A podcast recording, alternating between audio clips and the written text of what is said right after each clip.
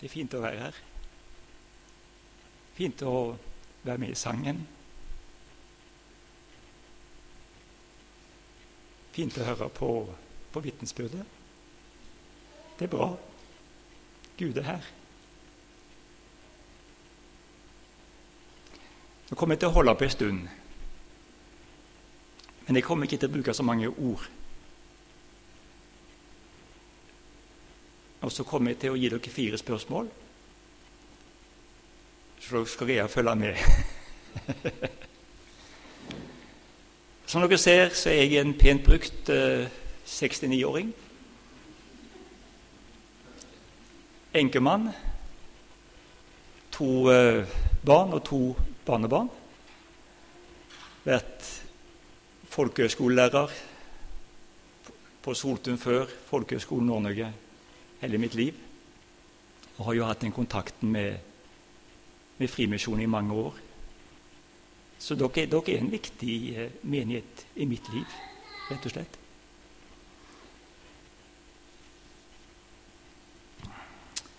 Jeg skal, jeg skal snakke til dere om gudstjenesten, men jeg skal prøve å snakke med dere samtidig. Så da ber vi først. Herre, jeg er kommet hit for å høre hva du, Gud, vil tale til meg. Herre, lukk nå opp mitt hjerte ved Den hellige ånd. Amen. Hva er det som er så bra med Frimisjonen? Det er et eller annet. Hva er det som er så bra med Frimisjonen? Jeg har jo da hatt kontakt med dere siden 2000.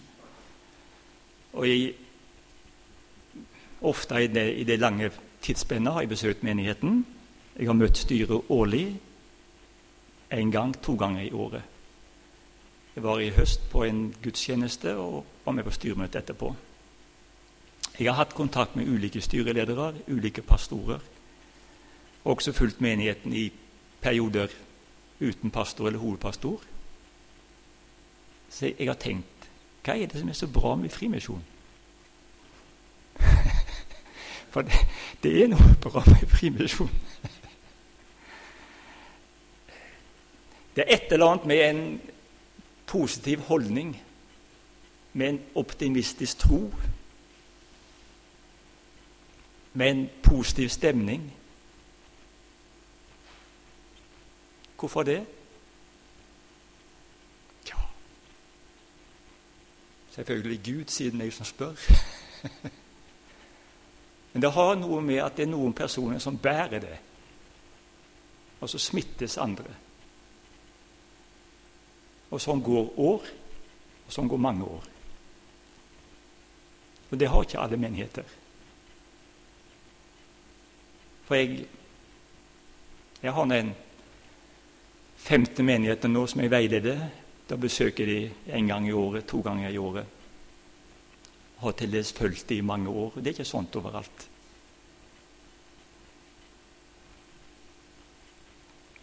Så det er jeg som har uh, spurt om jeg kan få si noe om gudstjeneste. og det har en bestemt forklaring. Og Derfor ga jeg mange en sjanse til å forberede seg. Dere fikk et ark hvem er gudstjenesten for. Og Da er første spørsmål til denne ærede forsamling. Og Da får du ett minutt på å tenke og snakke med side kvinne, side mann. Are you ready? Hva består en gudstjeneste av? Hva består en gudstjeneste av? Vær så god.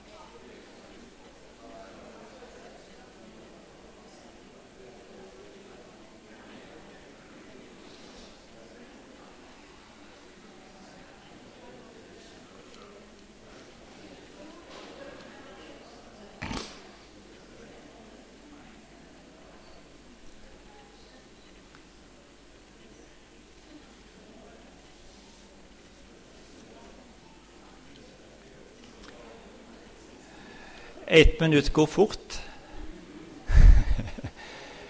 Du skal få et, eh, et bra svar fra meg. Og legg merke til jeg sier ikke et rett svar fra meg. Jeg sier et bra svar fra meg, så kan du være enig eller uenig, og det har du lov til. Et bra svar kan være gudstjeneste består av liturgi, undervisning og lovprisning. Da skal jeg gå videre med den tanken der.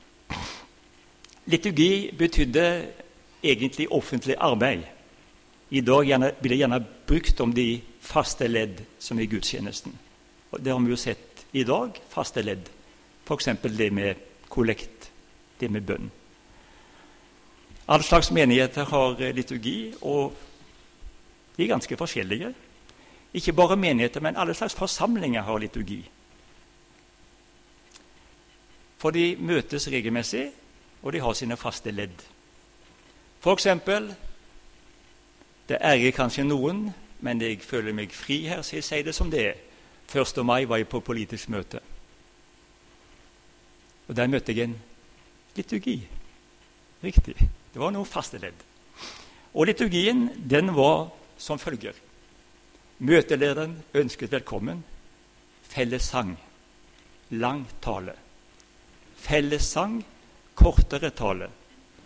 Solosang, kortest tale.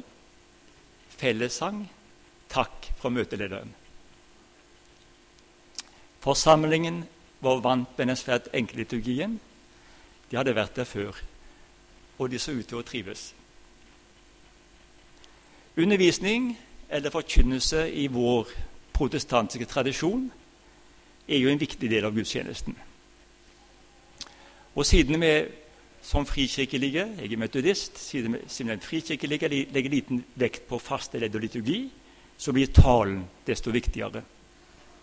Og På 1. mai-møtet var jo nettopp preget av den tradisjonen. Så mange syntes det var et inspirerende møte fordi talene var gode. Jeg syns spesielt den siste var best. Den var yngst og kortest. Så var det lovprisningen, som da er det tredje leddet i en gudstjeneste. Og Da har vi jo allerede sett at sangen og musikken er veldig viktig. På 1. mai-møtet var det også felles sang. Det var ingen musikk til sangen. Det var for få sangark. Men mange kunne sangene utenat, så det gikk bra. Og siden sangen, etter min mening, og liturgien på møtet var så som så, så var det talene som gjorde susen på 1. mai-møtet på Evenskjær. 1. mai-møtet har sine faste ledd, sin tale eller undervisning og sine sanger. Andre spørsmål. Hvorfor er ikke et 1. mai-møte en kristen gudstjeneste? For enkelt? Ok, men du får bare et halvt minutt. Ja, ett minutt. Greit. Hvorfor er et 1. mai-møte med sine tre ledd, liturgi, sang og undervisning, ikke et kristen gudstjeneste?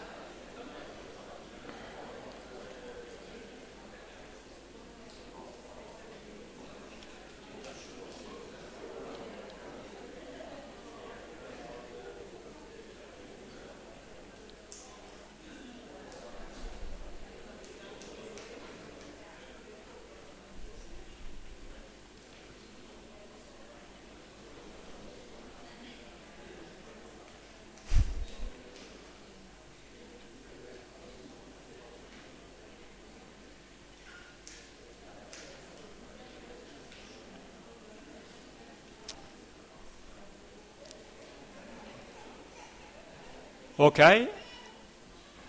Da eh, går vi til eh, Det nye testamentet. Et ord som er viktig, som er Matteus 18, 20. Og hva står det i Matteus 18, 20? Det hender en sjelden gang at jeg taler blant adventistene, og de vet sånn. Jesus sier, 'For hvor to eller tre er samlet i mitt navn, der er jeg midt iblant dem. Gudstjeneste er altså troende mennesker som kommer sammen i Jesu navn. Det er ikke bare det at det er to og tre som kommer sammen. De kommer sammen i Jesu navn. Det går fint an å komme sammen i Røde Kors-navn eller i TILs navn eller i Justin Biebers navn. Men i en gudstjeneste så er det Jesu navn som er midt iblant oss. Til oss som samles i Jesu navn, så sier Jesus 'Jeg er her'. Det betyr Jesus lever, han er midt iblant oss. Og Her er noe interessant. At Jesus er nær, er altså knytta til at vi samles, og at det er mer enn én. To og tre og flere.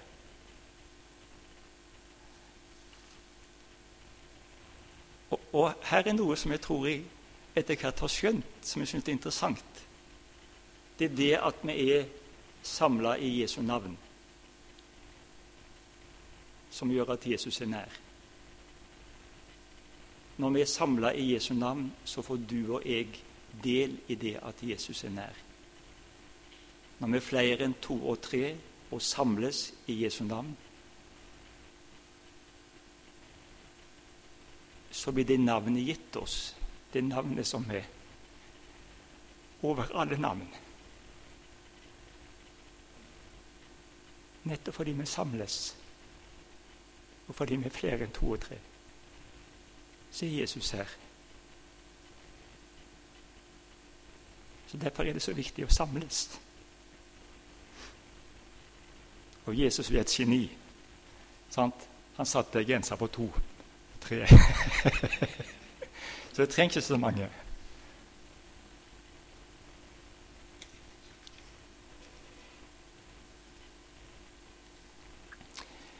I gudstjenesten er Jesus Herre mester, trøster, veileder, frigjører, helbreder. You name it. Han døper, han velsigner, han utruster, setter fri, tilgir, helbreder, fyller med Den hellige ånd. Han gir oss del i sin kropp og i sitt blod i nattverden. Her er noe interessant. Det heter å døpes eller bli døpt. Du døper ikke deg sjøl. Du blir døpt. Hvem døper? Hvem døper? Hvem døper når det skjer en dåp? Hvem er det som står bak den som døper? Jesus. Hvem er det som deler ut sitt legeme og sitt blod når vi deler nattvær? Hvem står her? Jeg sto her. Men hvem sto bak meg? Hvem sto bak Børge? Skjønner du? Så Derfor er han her for å, for å gi. Og vår posisjon er først og fremst det å ta imot. Så bruker han mennesker, men det er han som gjør det.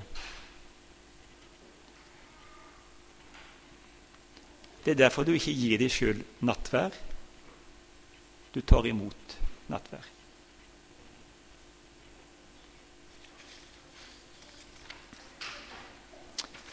Menigheten Frimisjon gjorde en undersøkelse i uh, august i fjor.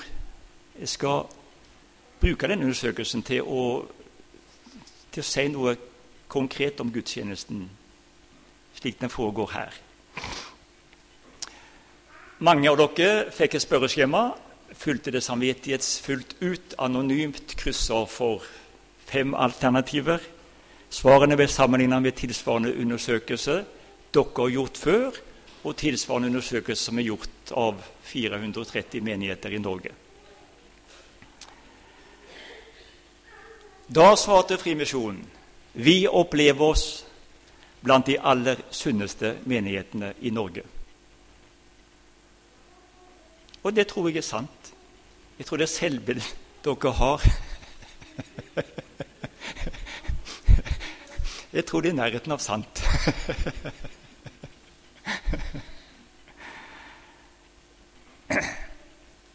Og her er noe som jeg syns er utrolig spennende. Dere sier at relasjonene her er varmere enn det er i 90% av de andre menighetene.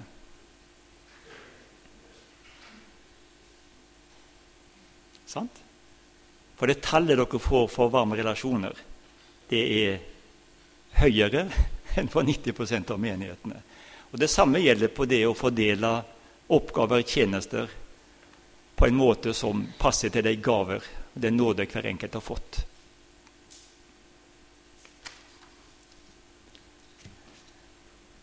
I forhold til at mye er glory, så er gudstjenesten et unntak.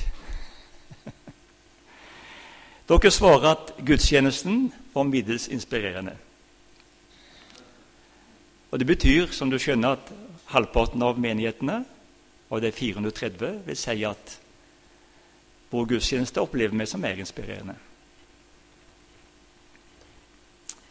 Så hva da med liturgien, undervisningen og lovprisningen?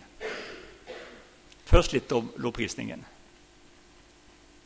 Musikken settes høyt hos dere. Og dere opplever, opplevde at musikken hjelper dere til å tilbe Gud. Og jeg ble beveget av musikken. Den sangen jeg likte best, var den om hjertet. Den som passer, passer på oss enkle mennesker, oss som er barn. ikke sant? Men det siste var veldig flott.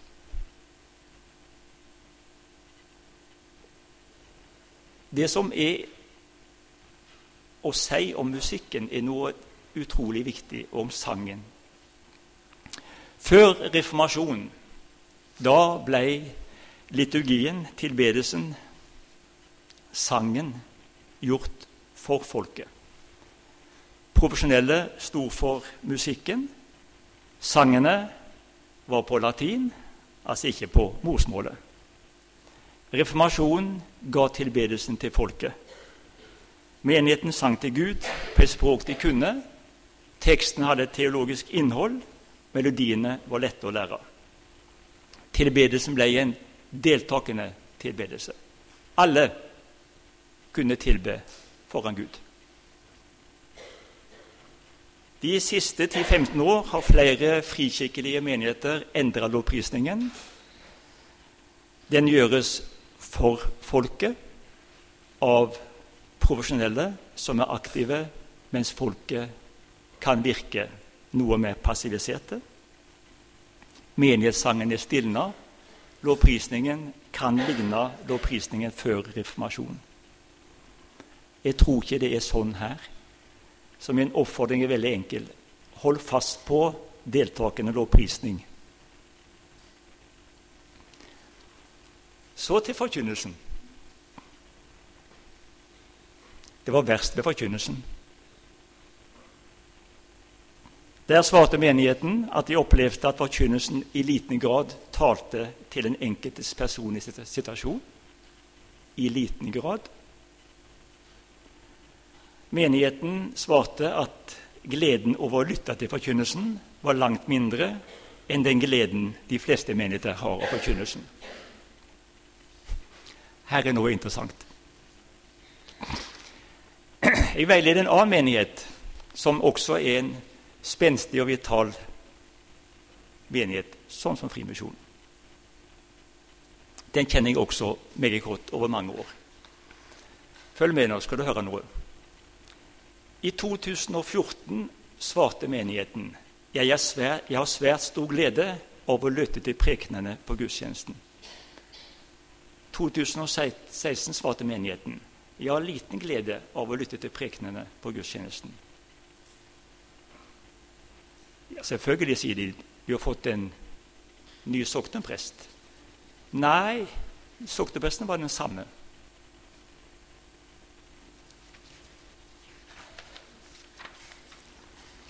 2014. Jeg føler virkelig at forkynnelsen på gudstjenesten taler til min personlige situasjon, svarte menigheten.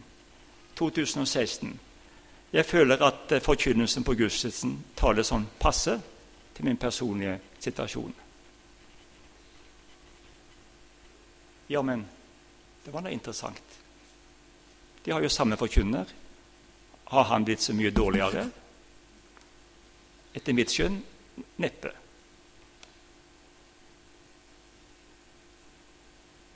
Så satt på spissen Det du hører, er ikke det samme som blir sagt. En gang til siden det er godt sagt. Det du hører, er ikke det samme som det som blir sagt.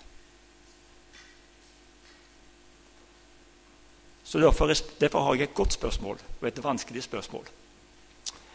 Hva er vanskeligst? Å tale på gudstjenesten eller å høre på gudstjenesten? Hva er vanskeligst? Å tale på gudstjenesten eller høre på gudstjenesten? Vær så god, ett minutt.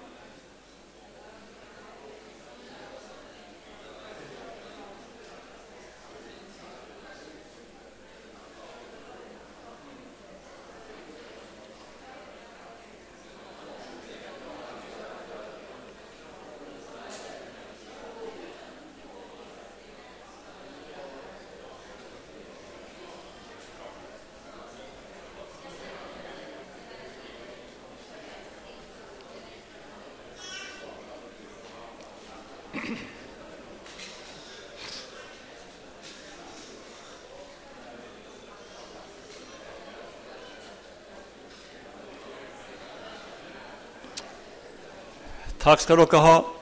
Da går jeg videre.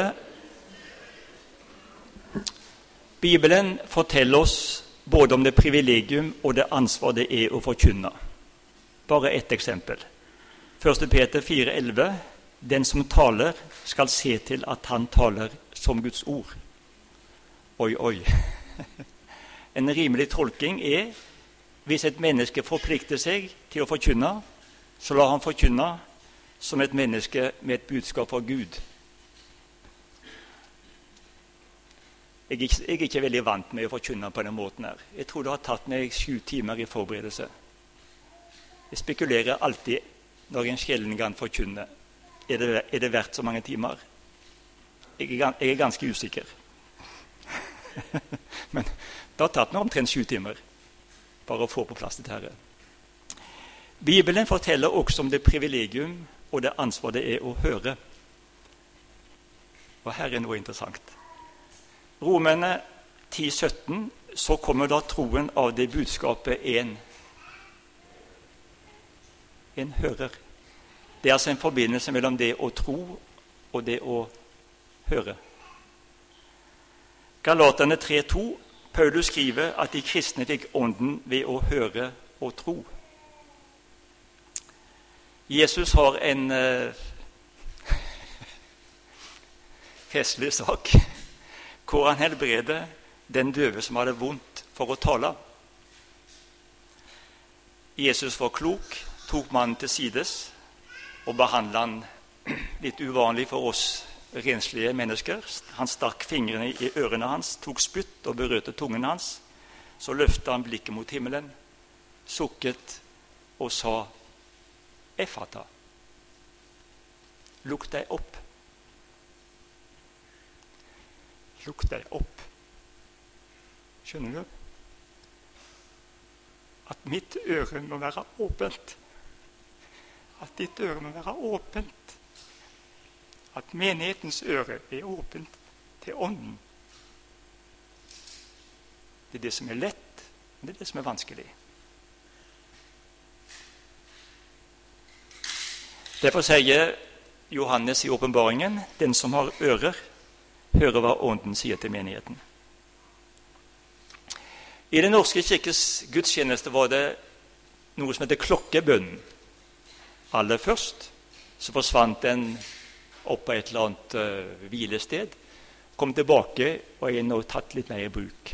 Nå skal vi be første halvparten av klokkebønnen. La oss be. Herre, jeg er kommet inn i dette detallige hus for å høre hva du, Gud Fader, min skaper, du Herre Jesus, min frelser, du Hellige Ånd, min trøster i liv og død, vil tale til meg. Herre, lukk nå opp ditt hjerte i din Hellige Ånd. Amen.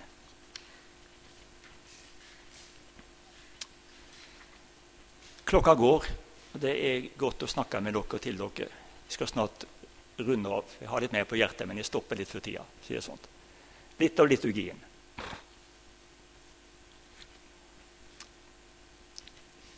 Vår tradisjon som, som frikirkelige er en deltakende liturgi. Og dette har sammen med, teologi, med, med deltakende liturgi. Og dette har sammenheng med noe som for oss er viktig teologisk. Nå får dere bare en kort framstilling, for dette vet dere litt om. Alle vi som er her, er prester.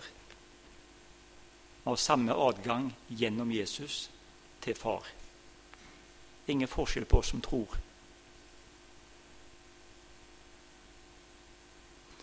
Og i det ligger at alle har samme adgang til å be, til å lede i bønn, til å synge, til å lede i sang, for den saks skyld. Jeg tror egentlig at alle har samme mulighet til å døpe, til å dele ut nattverd. At en får dele oppgaver, har mye med tradisjon og organisering nådegaver og klokskap å gjøre. Men det er så viktig i et samfunn som preges av økende forskjeller, veit du, å holde fast på det at her den viktigste relasjonen som finnes i livet i forhold til Gud, der er du er like. Samme adgang til Faderen.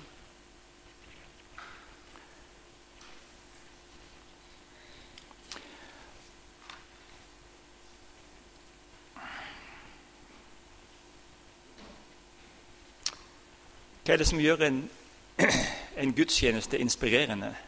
Jo, bl.a. at en forbereder seg til gudstjenesten. Og Her er et poeng fra undersøkelsen som jeg skal ta fram.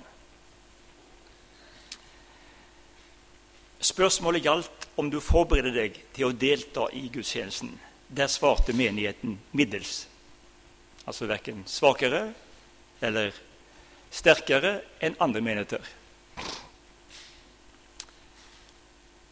Jeg går ut ifra at oss som taler, leder, spiller, leder i sang, forbereder oss.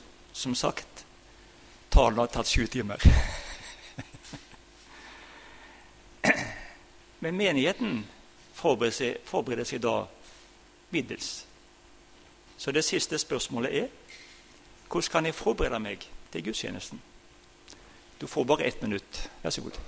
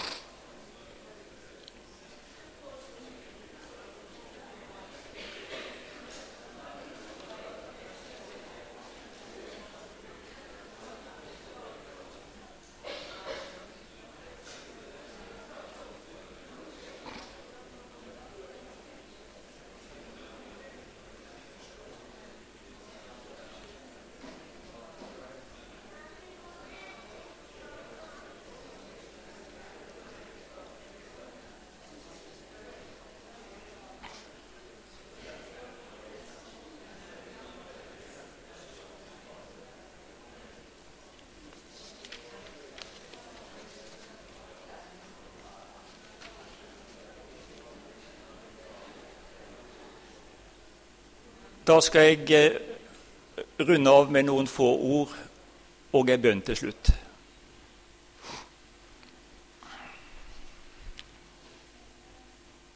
Børge forberedte seg. Lovsangerne forberedte seg. Jeg forberedte meg. Andre forberedte seg. Som oftest så sier vi det var en bra gudstjeneste. Av og til så sier vi det var en merkelig gudstjeneste. Oppdaga du at Gud var der? Og noen svarer ja. Og noen svarer ja, han er jo alltid der. Og Noen ganger skjer det som vi ikke kan planlegge, ikke bestemme. Vi kan be om det, men det er bare sånn. Og det er et eller annet med at du tenker Det er Børge, men det står en bak Børge. Og det er Bjørn. Det er på en måte en annen. Og Ommund er noe grei nok, han. Han har gjort så godt som han kan, men Det er et eller annet bak der.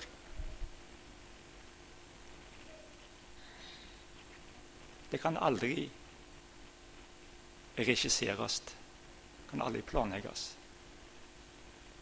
Når det skjer, ta imot det, og vet at du ikke er alene om å erfare at Gud er til stede.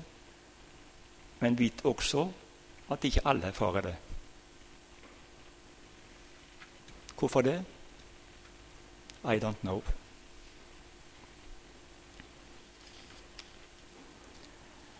Herre, jeg er kommet hit for å høre hva du, Gud, vil tale til meg. Herre, lukk nå opp mitt hjerte ved Den hellige ånd. Amen. Takk skal dere ha.